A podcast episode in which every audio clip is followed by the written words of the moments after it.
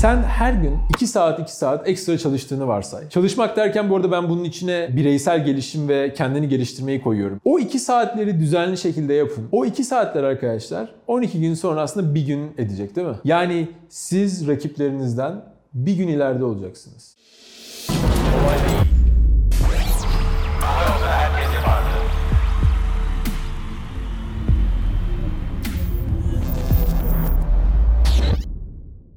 Herkese merhaba, Kolay Değil'e hoş geldiniz. Ben Mustafa. Bir daha karşınızdayım. Yüzüm çok eskidi artık. Umarım sıkılmıyorsunuzdur benden. Sizlere böyle düşüncelerimi paylaşmaya devam ediyorum. Umarım faydalı oluyordur. Kendime de böyle anlattıkça e, daha çok hatırlatmış oluyorum. Bu arada mesela çok kullanılan bir mesela triktir yani. insan birine mesela ders çalıştırırken o konuyu da daha çok öğrenir ya. Aslında bu da benim için öyle yani. İnsanlara bir şey anlatırken o anlattığın konuları tekrar tekrar hatırlamış ve daha çok içselleştirmiş oluyor oluyorum ben. O yüzden size olduğu kadar bana da faydalı aslında anlatıyor, konuşuyor olmak. Bugün konumuz arkadaşlar şu olacak. Bizler hayatta ufak ufak her gün düzenli bir şekilde fark yarattığımız zaman, ekstra çalıştığımız zaman bu bizim orta ve uzun vadede hayatımızda çok büyük değişimler, çok büyük etkilere sahip oluyor. Bunu ben gerçekten yıllarca fark ediyorum. Mesela bu ne demek? Sporculardan bir örneklemeyle anlatayım size. Eğer arkadaşlar bir sporcu, bu örneğin basketbolcu diyelim ki benzer konuları aslında Kobe Bryant, Michael Jordan gibi insanlar işliyor, anlatıyor ama bir sporcu her gün ekstradan bir saat idman yaptığı zaman, örneğin işte basketbolcuysa her gün takım arkadaşlarından bir saat önce veya tüm diğer basketbolculardan bir saat önce antrenman sahasına gelip, salona gelip şut atıyorsa veya antrenmanlardan sonra ekstra kalıp şut atıyorsa belki birinci gün, ikinci gün, üçüncü gün veya birinci hafta, birinci ay bunun tam olarak farkına varamıyor ya. Bunu niye ben yapıyorum? Yaptığımda ne oldu gibi zannediyor ama orta ve uzun vadede o kadar ciddi anlamda mesela şutu veya basketbolu gelişiyor ki bir anda o oyuncu kendini çok bambaşka bir seviyede, bambaşka bir ligde buluyor. Ve çoğunlukla da buna ondan sonra çok yetenekliydi diyorlar. Halbuki her zaman yetenek aslında o kadar da değerli olmuyor. Yani hani şu sözü belki duymuşsunuzdur. İşte başarının %1'i şans, yetenek %99'u sıkı çalışmadır diye. Bu gerçekten arkadaşlar bence böyle. Tabii ki yetenek faktörünün, doğal genetik faktörlerin, aile faktörünün, etrafımızdaki diğer faktörlerin katkıları, faydaları yatsınamaz. Bu başka bir şey ama inanın sıkı çalışmak çok önemli bir şey. Benim çok sevdiğim bir laf var. Yıllardır böyle hakikaten hani belki üniversitenin başından liseden beri kullandığım ve ilk okuduğumda gerçekten aşık olduğum bir sözdür. Practice makes perfect diye. Tam olarak Türkçesi yok ama yani ne kadar çok çalışırsan, ne kadar çok tekrarlarsan o kadar kusursuzlaşırsın, o kadar iyileşirsin bir işte.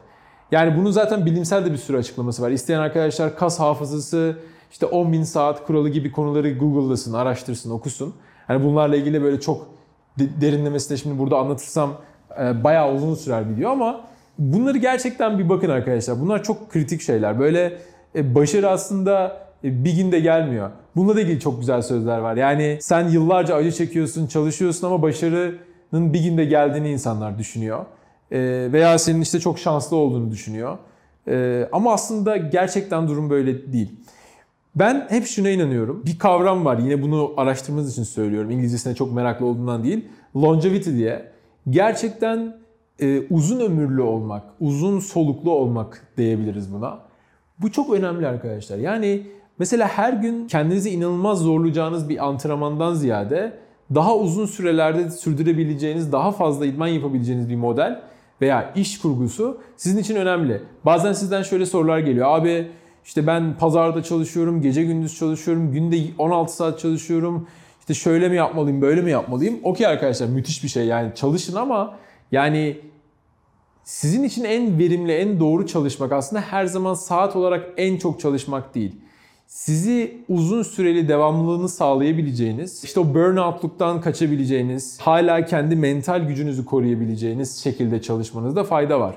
Ha bu da yanlış anlaşılmasın. İnsan hani bir önceki bölümde bahsettik. Hani beynimiz sonuçta bizi ister istemez bazen kolaya ve tembelliğe itebiliyor. Yani ben çok yoruluyorum o zaman işte çok çalışmayayım, işte burnout olmayayım demek de bir şey değil. Kendini biraz zorlayacaksın biliyorsun kaslar Ee, ve hiçbir şey zorlamadan gelişmez arkadaşlar. Böyle e, işte ben olduğum yerde oturayım da gelişsin diye bir dünya yok biliyorsunuz. Size çok güzel bir örnek vereyim.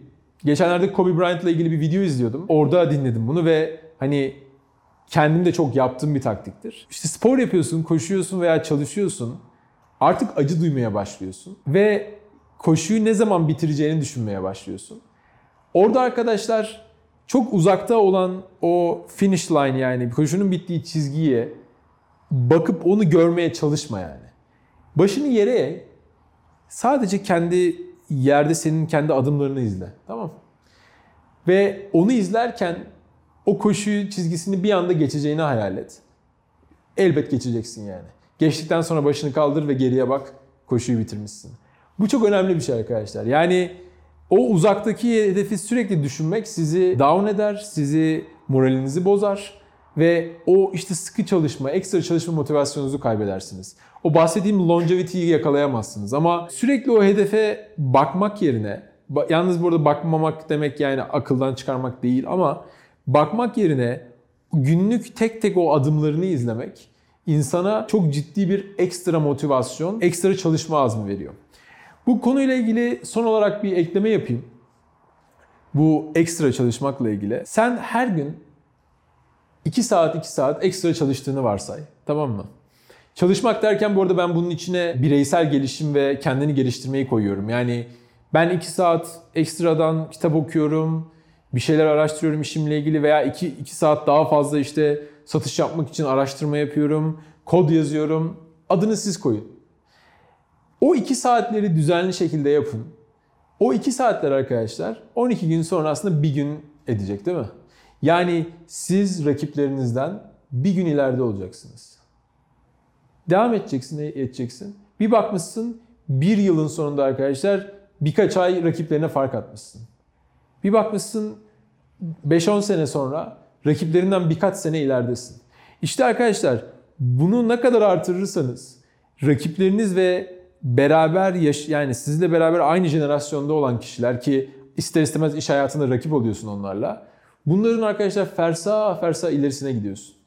Onlar şey zannediyor. Sen çok şanslısın ya da işte denk geldi zannediyor. Halbuki o ufak ufak o bir saatler, yarım saatler, iki saatler, kimi zaman beş saatler, on saatler seni fark etmeden onların önüne geçiriyor. Hani birazcık belki şey duyuluyor olabilir ama işte cumartesi çalıştığın zaman, pazar çalıştığın zaman tekrar söylüyorum burnout olmadan, bazı dengeleri bozmadan yani işte aileyle ilgili, diğer konularla ilgili ve robot gibi çalışmayı kastetmiyorum ama o iki saatlerle o cumartesi ekstra pazar çalışma, bayramda çalışma bunlarla arkadaşlar öyle öyle önüne çıkıyorsun ki rakiplerinden. Sonra onlara bunu şans zannediyor, başka bir şey zannediyor. Halbuki sen o acıyı çekmişsin. Herkes tatildeyken tatile gitmemişsin yani. Bunların ne kadar kritik olduğunu asla unutmayın.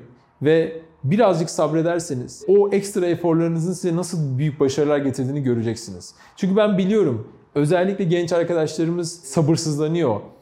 Sürekli etrafı veya diğer insanlar eğlenirken, gezerken onlar gezmiyor.